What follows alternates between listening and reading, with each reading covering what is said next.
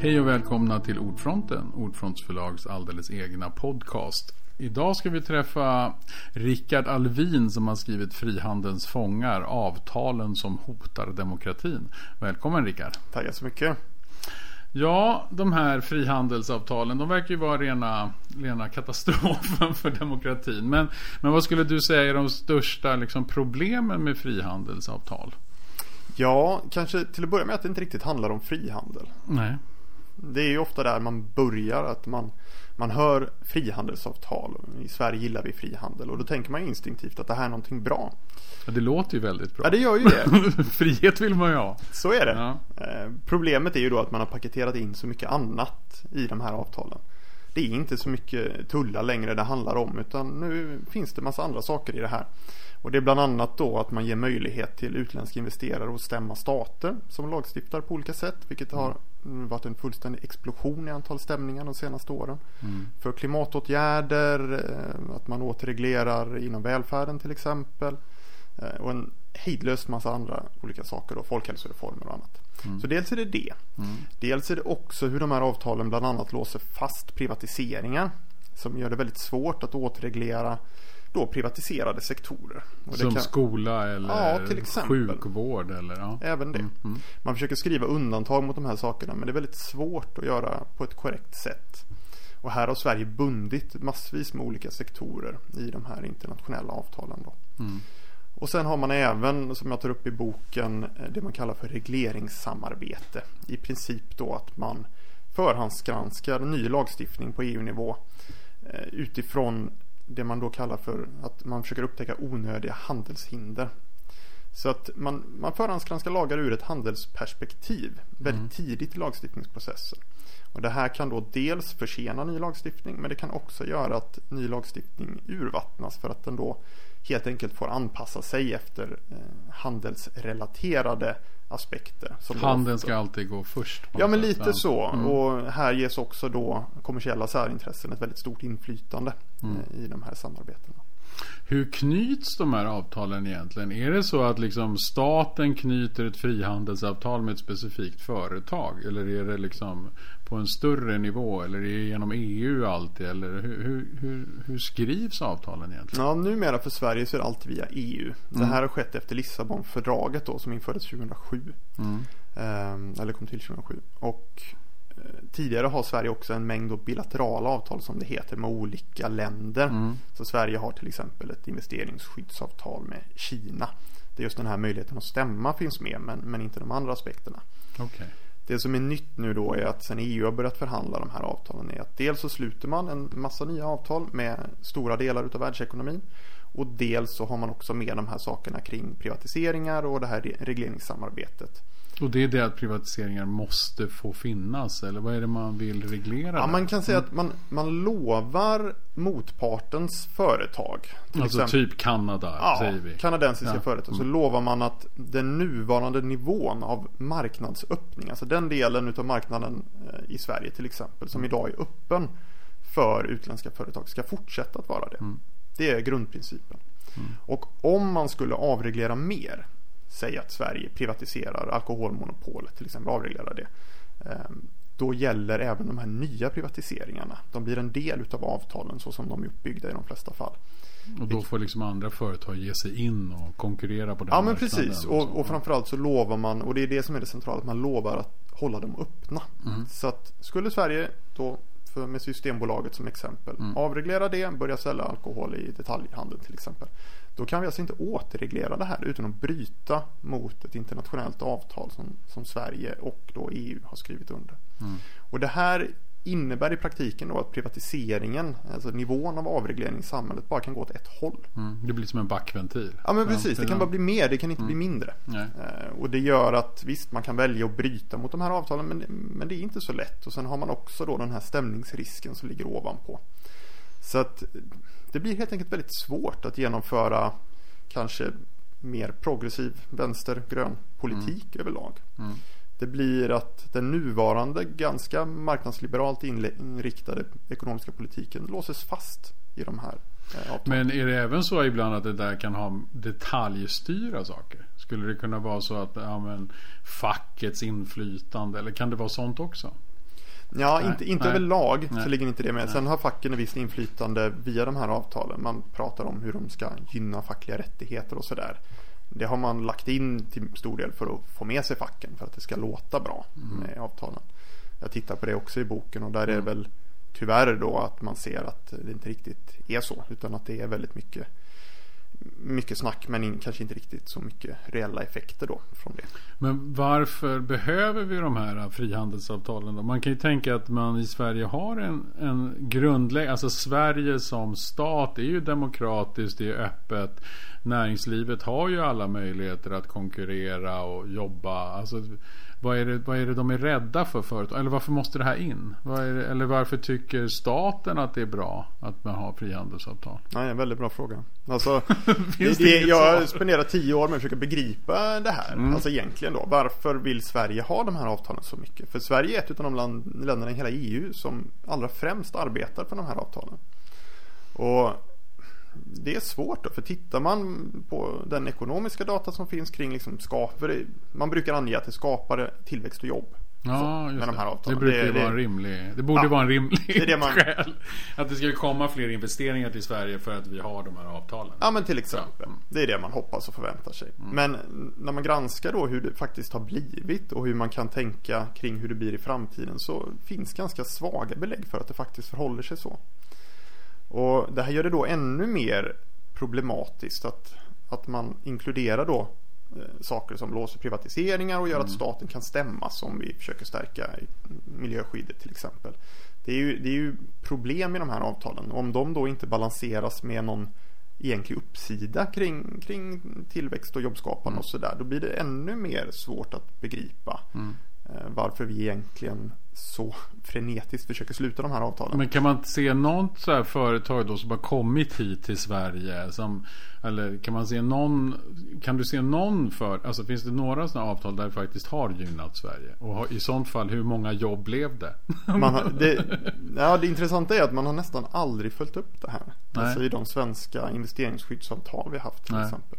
Det görs inga sådana studier. Det finns... Man gör ingen utvärdering av Nej, nästan aldrig. Utan i viss mån nu på de nya avtalen så gör man en utvärdering innan och då man försöker uppskatta de här ekonomiska effekterna. Mm. Och de modellerna har väldigt stora problem och de kan i de flesta fall inte ens räkna på antalet jobb till exempel. Men man har heller inte kunnat utvärdera och det, det ska sägas att det är väldigt svårt Mm. eh, att bara isolera en variabel som ett Ja, enskilt precis. avtal från Mm. allt annat som sker i samhällsekonomin. Men ehm, man bygger det på en förhoppning och kanske föreställning om att det ska det här investeringsskyddet till exempel ska leda till en ökad mängd utländska investeringar. Men när man tittar då på vad forskningen säger återigen så är det sambandet inte så himla eh, vederlagt då. Nej. För man kan ju också tänka sig att om Sverige ändå väljer att privatisera en marknad eller helt enkelt ta bort någon typ av regel som gör att man kan sälja sjukhus eller whatever. Det skulle väl säga sig själv att det kommer per automatik folk som skulle vilja äga svensk sjukvård eller svensk, svenska apotek eller whatever. Eller hur? Varför skulle de inte komma? Alltså även utan de här frihandelsavtalen. Nej, det är ju det. Ja. Vi, har, vi har ju redan en stor mängd utländska investeringar i Sverige idag. Och det är ju, sen frihandelsavtalen gör ju lite andra saker också. Att, sådär förstås. Eh, och det påverkar en del tullar och så vidare. Men det är ju just det här att de syftar till att egentligen bevara läget som det är. Att låsa fast politiken Mm. Men då där verkar den är det idag. snarare vara så att det är ett, ett mål för att förändra en slags eh, hur Sverige är uppbyggt eller hur Sverige ser. Alltså det verkar ju inte vara så mycket skydd för utländska företag som ett sätt att förändra en politisk väg. Om du Nej, får vad jag menar. nej, en men alltså- politisk vilja. Att stadfästa ett system snarare än att locka hit Ja, nya investerare. skydda investerare från Mm. politiska förändringar om man så vill. Lite är ju det som systemet har, har syftat till tidigare Mm. och det man gör ännu mer. Och det är klart att det finns väldigt många som, som tycker att den nuvarande politiken till exempel är bra och, Mm. och värd att skydda och det, det kan man ju tycka. Men jag tycker att det är ett centralt demokratiskt problem om det är så att framtida generationer och även vi idag inte på ett effektivt sätt kan forma samhället på det vis vi vill. Det är klart att de här avtalen kan aldrig stoppa oss från att lagstifta på ett vis. Men om det är fören, ny lagstiftning förenas med att vi bryter mot internationella åtaganden, att vi blir stämda på mångmiljardbelopp. Mm. Det är klart att det kommer påverka med på vilket sätt vi kan lagstifta framöver.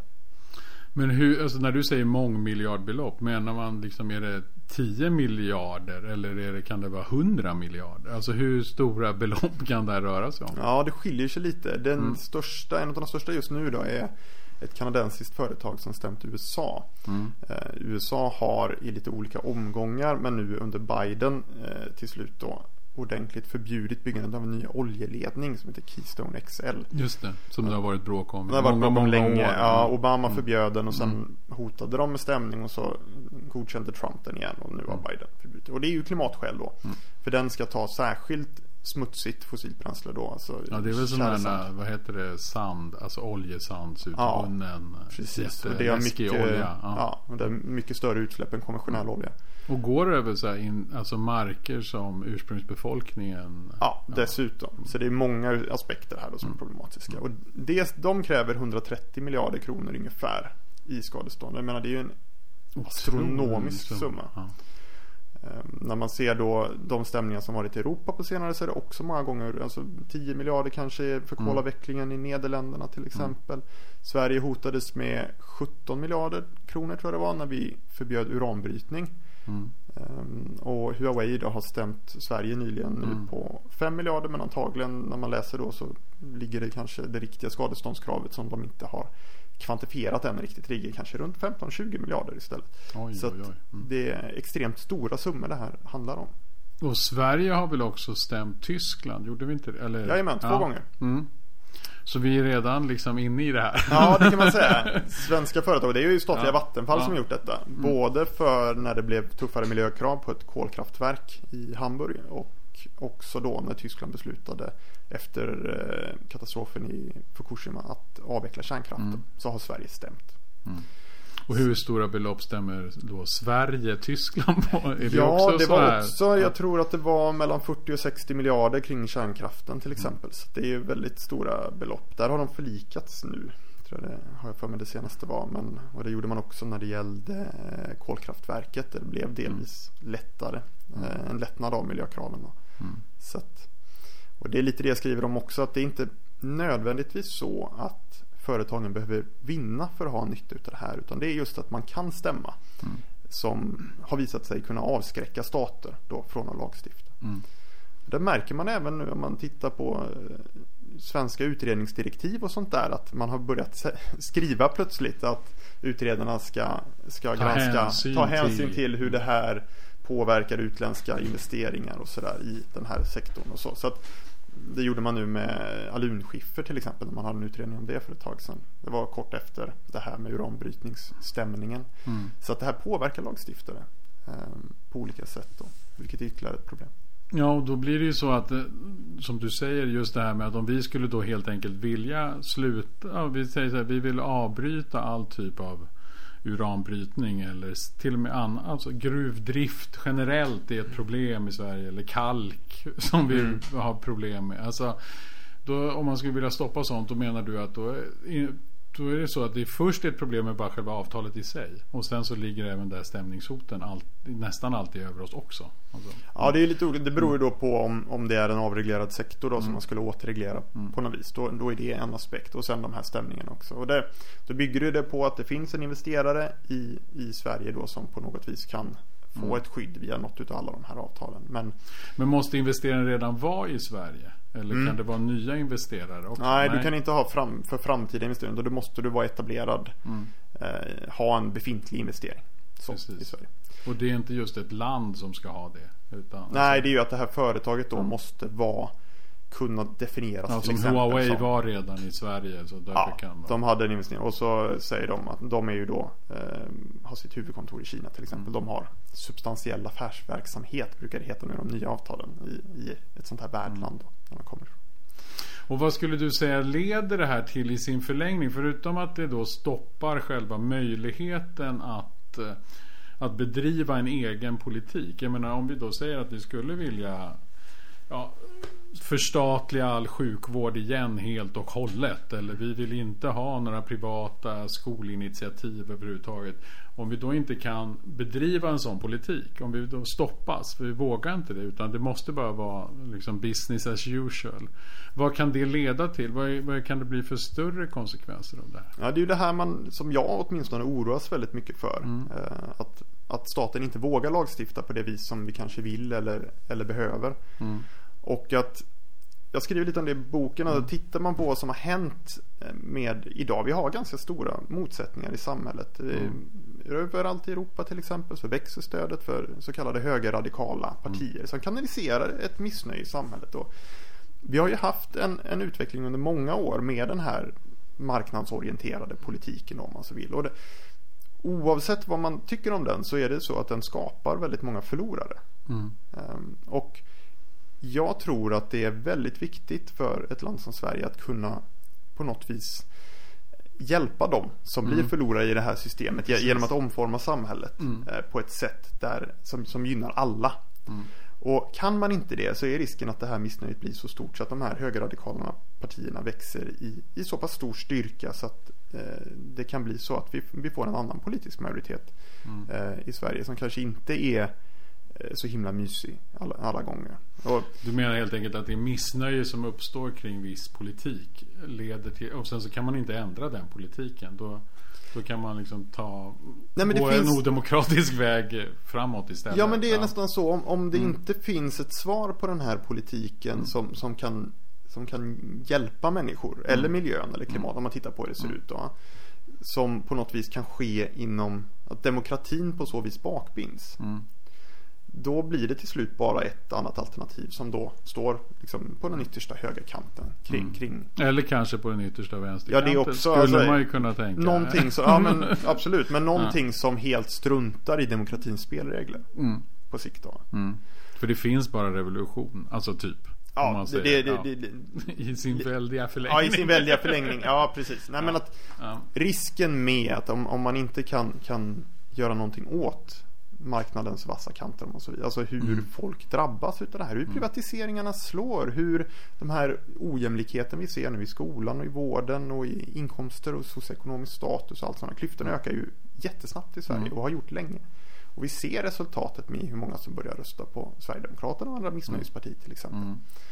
Eh, då, då skapar det på sikt kan man inte förändra det mm. demokratiskt då har vi en, en tickande bomb tror jag. Mm. Och därför är det så viktigt att försöka ta sig ur de här avtalen så att vi kan lagstifta Men snabbt och effektivt. Men går det att ta sig ur dem då? Alltså, ja, det är, ju, alltså, det... det... är ju frågan då. För det är här det blir krångligt igen. Ja. Ehm, det är inte så lätt. Nej. Um, är de skrivna på någon slags evighetsbasis? Eller ska ja, de men det är de. Ja. De flesta är det. De, de, de behöver inte förnyas? Nej, de, de fortsätter så länge mm. inget annat anges så. Mm. Sen är det här, ett av de stora problemen som visat sig med investeringsskyddet är att i många av de här avtalen finns så kallade solnedgångsklausuler. Och det här, det här innebär då att om man... Mycket vackra ord. Ja, det är mycket Frihet. Ja, det... och solnedgång. Ja, ja, ja. Det är vackert. Ja, det låter jättebra med att det blir lite solnedgång. Men det är helt enkelt då att de här avtalen fortsätter för gjorda investeringar. Eh, även om du skulle säga upp det så kan det fortsätta gälla i eh, uppemot 20 år till. Mm -hmm. Det här står i de eh, nya avtalen som EU tecknat och Sverige då, med mm. Kanada till exempel. Och det här har gjort att ett land som Italien lämnade ett av de här stora avtalen, energistadgefördraget, som gett upphov till många mm. miljö och klimatrelaterade stämningar. De lämnade det 2015, 2016 och de blir fortsatt eh, stämda varje år eh, och kommer bli så en bit in på 2030-talet då helt. Varför, varför fortsätter de att verka i 20 år till? Alltså, Nej, också Står det bara? Ja, ja. Det har man också. På varför just 20 år? Varför inte 60 eller 10? Nej, 20 år har väl på något vis. Ja. Det gäller ju då investeringar som har gjorts när man säger upp det. Så det ja. gäller ju inte som sker efter det. Men Nej. det har ändå visat sig bli ett stort problem då. Och vad, hur har det drabbat sen Italien då? Förutom att de fortsatt blir stämda. Vinner de stämningarna eller åker de dit? Är det dyrt för Italien? Ja, det blir dyrt oavsett många gånger för att även om de skulle vinna så kan det ju då leda till att man till exempel avvaktar med lagstiftning eller annars ja. får man betala höga rättegångskostnader och det är inte alltid man kan överföra dem på, på investeraren till exempel och sådär. Mm. De blev ny, hyfsat, de har pågående fall som pågått väldigt många år Mm. om när de förbjudit kustnära oljeborrning Mm. av miljö och klimatskäl som, som har blivit stämda då. Eh, efter att de lämnade de här avtalen. Och eh, där är det fortfarande inte löst vad som händer i det fallet. Nej. Så att, Men, bo- men då är det i alla fall stopp med borrningarna tillfälligtvis. Ja, Eller? men så är det. det fortsätter liksom Nej men inte. precis, det fortsätter inte. Nej men det är viktigt att säga det att staten kan fortfarande göra vad den vill. Så Mm. De här avtalen kan inte handgripligen stoppa oss från att lagstifta. Utan det kan vi göra. Men vi måste då antingen bryta mot en internationell Mm. överenskommelse, vilket mig vetligen Sverige aldrig har gjort i något av de här avtalen tidigare. Nej. Ehm, och vi måste också då eventuellt betala väldigt höga Ja, skadestånd. och så just som du säger, vi blir i alla fall utsatta för själva förhandlingen. Mm. Alltså dom, alltså den här rättsprocessen kommer Ja, men att precis. sätta igång. Sverige har ju en dyrt, eh, justitiekan Mm. på kanslern nu får man göra och har fullt sjå med att försvara sig mot den här stämningen från Huawei då till Mm. exempel i nuläget. Så det går ju mycket både ekonomiska och intellektuella resurser Mm. till att Till någonting som kan uppfattas som helt meningslöst. Någonting som vi inte ville ha. Alltså jag menar staten, vi har ju bestämt i demokratisk ordning hur vi vill ha det. Ja och företagen har ju förstås Huawei Mm. gick ju via kammarrätt förvaltningsrätt. Alltså de har ju eh, Vi har ju ett helt nationellt rättssystem. Företag är ju inte rättslösa på något vis utan vi har ju ett fullt funktionellt Mm. eh, nationellt rättssystem där företag kan få sin sak prövad. Mm. Och också ska det förstås. Eh, Men det här blir ju då en extra Det är som en extra försäkring. Alltså som att man ska ta en reseförsäkring som är onödig. Så- Ja men lite så. ja, för man har ju oftast en reseförsäkring. Just det. så ja, nej men eh, jag fattar liksom. Det, det är så obegripligt. Alltså, det, är ju, det är ju chockartat när man läser din bok om hur, hur det här slår och hur, hur hemskt det är och att det är så lite känt. Men är det så att det är lite känt även för politikerna tror du? Eller varför liksom, ja, det är ju helt obegripligt att man inte tar bort det här. Men alltså vad är det som gör att det alltså, Jag förstår att det fortsätter och att vissa tycker det är bra. Jag menar jag förstår att det finns de som alltid ser till företagens bästa. Och det är alltid företagen som ska få vinna och de ska få göra som de vill. Men frågan är då, det finns ju en, åtminstone ungefär 50% av Sveriges befolkning som röstar på andra partier än de som företräder näringslivet. Eh, är det så att de politikerna är väldigt dåligt insatta? Vet inte de flesta socialdemokratiska företrädare eller Miljöpartiets företrädare eller Vänsterpartiets företrädare vad som händer? Eller, eller, även globalt verkar det vara dålig information Ja, eller dålig kunskap. jag, jag tror Mm. tyvärr delvis att det är så. Mm. Um, som sägs, Vänsterpartiet har ju röstat nej till de här avtalen i Sverige men Miljöpartiet och Socialdemokraterna har Mm. röstat för dem. Um, åtminstone då i, i, på, i riksdagen. Mm. Och jag upplever, alltså det här är ju krångligt alltså. Tittar man Mm. på avtalet med Kanada som EU har slutit efter de här nya Mm. avtalen. Det är, det är på drygt 1500 sidor.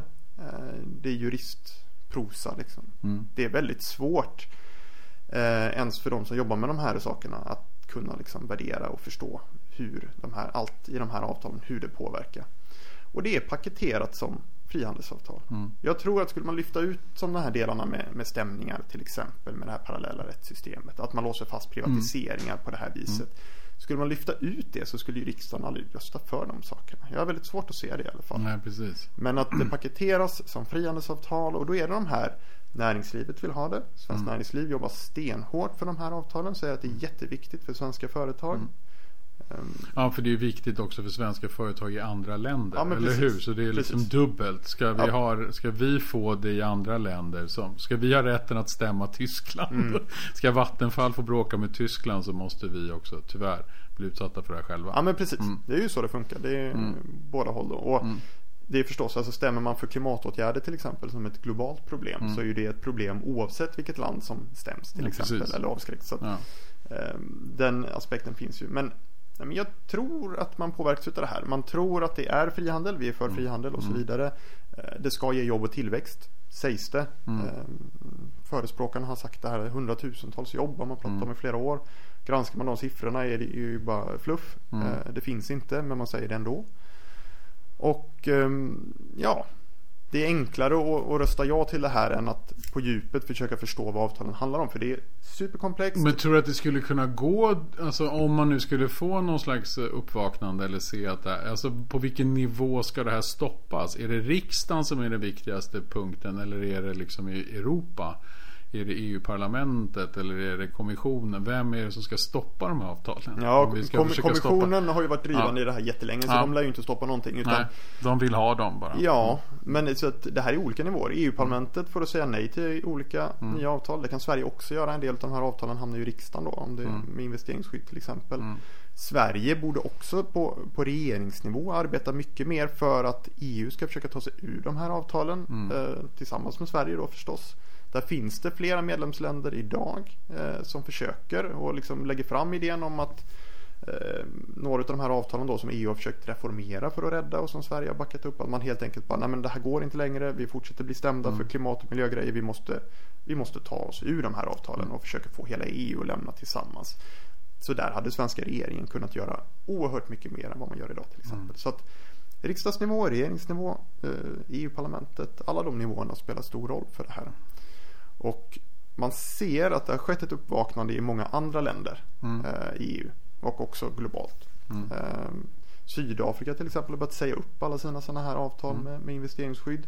Har inte märkt av några negativa effekter för de mängden utländska investeringar Nej. i landet och sådär. Och säger man upp dem så, och det kan man då göra utan egentliga problem. Alltså förutom att de sen kan fortsätta verka i 20 år. Men alltså Ja. säger man bara upp dem och det kan man göra ensidigt. Ja, Alltså EU kan, Sverige- ja. precis. EU kan då till exempel säga upp de här avtalen. Sverige kan, kan ensidigt säga upp avtal. Mm. Det, det går. Eh, Så det är inga problem. Och sen kan man även då försöka neutralisera den här solnedgångsklausulen på väldigt många olika tekniska Där var den igen, solnedgångsklausulen. Solnedgångsklausul. Ja. Ja. Och det effektivaste då, som Mm. man egentligen, som EU-parlamentet ställde sig bakom och som man föreslog tidigare, det är egentligen att man skulle lyfta in, att man gör ett nytt, eh, lyfter in i Pari- nästa Parisavtal så. Just det. klimatavtal där man helt enkelt säger till exempel att man kan aldrig stämma stater som inför ny klimatlagstiftning eh, via Nej. de här grejerna till exempel. För då skulle det avtalet gälla om alla Det skriver under global- över alla andra avtal då, till exempel. Att de står, större. Ja. Så att eh, då står de i konflikt med varandra. Så det finns lite olika sätt. Men Mm. Få en politisk förändring framför allt och kanske större medvetenhet om det här. Men ser du de största problemen just när det kommer till att försöka rädda planeten? Alltså ur någon slags klimatperspektiv och miljöperspektiv. Är det, är det där det här är värst? Eller Ja, alla frågor hänger ihop Ja. Men alltså, jag läste i IPCCs, alltså för policy, Mm. eh, folk eh, förstår inte riktigt naturvetenskapen bakom. Men nya klimatrapporten. Mm. Och jag menar, tittar man på den så är det ju, alltså det här lilla fönstret vi har. För att undvika de allra farligaste klimatförändringarna. Det håller ju på att stängas oerhört snabbt. Mm. Vilket gör att staten nu kommer behöva vara både liksom, vara extremt snabb men också extremt innovativ. För att få ner Mm. för att utsläppen. överhuvudtaget lyckas Ja, för att ha en rädda chans, planeten? Va? Ja, precis. Och att, att det är så akut och att det hänger ihop då med krisen för ekosystem och så vidare. Och där krävs enormt mycket lagstiftning. Fort som attan och som sagt innovativt. Och att i det läget så, så blir de här Absolut. Alltså det, det kan, även om vi struntar i de här stämningarna. Sverige säger ja, ja stäm oss då, men vi måste göra det här för att rädda planeten och så vidare. Om varje miljöbeslut innebär att Sverige stäms på ett skadestånd som det här med uranbrytningen som är större än hela Sveriges miljöbudget. Det är klart det kommer påverka vilka miljöbeslut vi i längden har råd med. Mm, absolut. Och, så att även om det här slår på alla nivåer och alla frågor hänger ihop så är att just få bort det från klimatområdet kanske är det som måste ske. Och det är där är mest igår, liksom. akut och blir Ja. alltså ändå Men alla områden, överhängande. är, Ja, ja, alla områden är akuta för återigen Men då, man kan också tänka just där som du säger att om man då upplever nu att man inte kan förändra klimatpolitiken och vi fortsätter bara mot då undergången Mm. som många upplever det som och uppfattar det som. Så kan man ju också tänka att det är just där det kommer också vara de som är mest militanta att vilja stoppa det. Om du nu tänker att det går åt någon obehaglig politisk jo, eh, väg. Så det känns ju också som att Eftersom det är ett existentiellt hot. Många, Mm. alltså det är ju det. Det är ju jordens överlevnad. Och jag håller ju med om att det är ett existentiellt hot mot oss alla. Mm. Men jag menar, jag kanske ändå inte skulle gå ut och, och bli militant på det sättet. Nej, nej, men precis, jag men jag kan tänka att många gör det. Ja, Eller, alltså, alltså, det kan leda till det. ja det är en risk. Och Ja. det är som sagt, vi har, vi har byggt ett samhälle och ett samhällsklimat som, som på något vis har visat att det blir väldigt stora motsättningar. Mm. Det blir väldigt många som drabbas hårt utav det här. Det är liksom ett samhälle som är ganska kallt. Mm. Som, det är var man för sig själv på något vis. Mm. Eh, Och det är klart att det blir, det blir ett stort missnöje. Det blir många förlorare som inte, inte har sig själva att skylla på något Nej, vis. Utan precis. det finns massa andra faktorer som påverkar vilka möjligheter man har till en god vård, en god utbildning och annat. Och jag tror att det är avgörande att vi försöker använda politiken för att väldigt snabbt försöka förändra det här samhället till någonting bättre och mer humant. Mm. Och att i den situationen där vi både på grund av klimatet och, och växande klyftor och så vidare behöver verkligen snabbt förändra politiken. Det är ett väldigt dåligt valt tillfälle att låsa fast den nuvarande politiska inriktningen i sådana här avtal. Tack. Det där tyckte jag sammanfattade det hela väldigt, väldigt bra. Tack Rickard Alvin för att du kom till Ordfronten och pratade om frihandelns fångar. Tack så mycket. Kul vara. Faktiskt också extra tack för att du har gjort det här arbetet. Det är ju det är en makalös ögonöppnare den här boken. Tack så mycket. Tack. Och Ordfronten återkommer ju senare här under våren med ännu fler intressanta samtal om intressanta böcker. Tack och hej.